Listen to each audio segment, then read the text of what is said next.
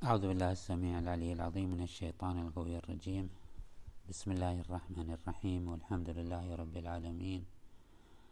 والصلاة والسلام على أشرف الأنبياء والمرسلين سيدنا وحبيب قلوبنا بالقاسم محمد وعلى أهل بيته الطيبين الطاهرين. الحمد لله الذي لا يحمد على مكروه سواه. هذه المقولة الشريفة تنطوي في الحقيقة على فلسفة عميقة تحتاج منا إلى وقفة مختصرة للتأمل في أعماقها وفي دلالاتها. إنما يعاش إنما يصيب الإنسان من مكروهات لا تتوافق مع رغباته ومصالحه ومع ما يتمناه. في كثير من الأحوال تكون مذمومة فالأمراض والخسائر والآفات كلها لا تحمد ولا تشكر ولا تمدح. ولكن كل ما يأتي من الله عز وجل إما أن يكون خيرا عطاء فضلا رحمة فهذا يحمد.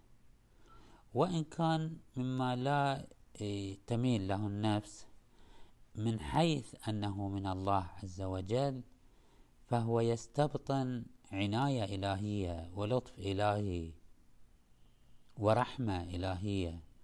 وذلك أن الله عز وجل عالم بعباده يبتليهم بالخير والشر فتنة ليعالجهم ليصلحهم ليجذبهم إلى بابه.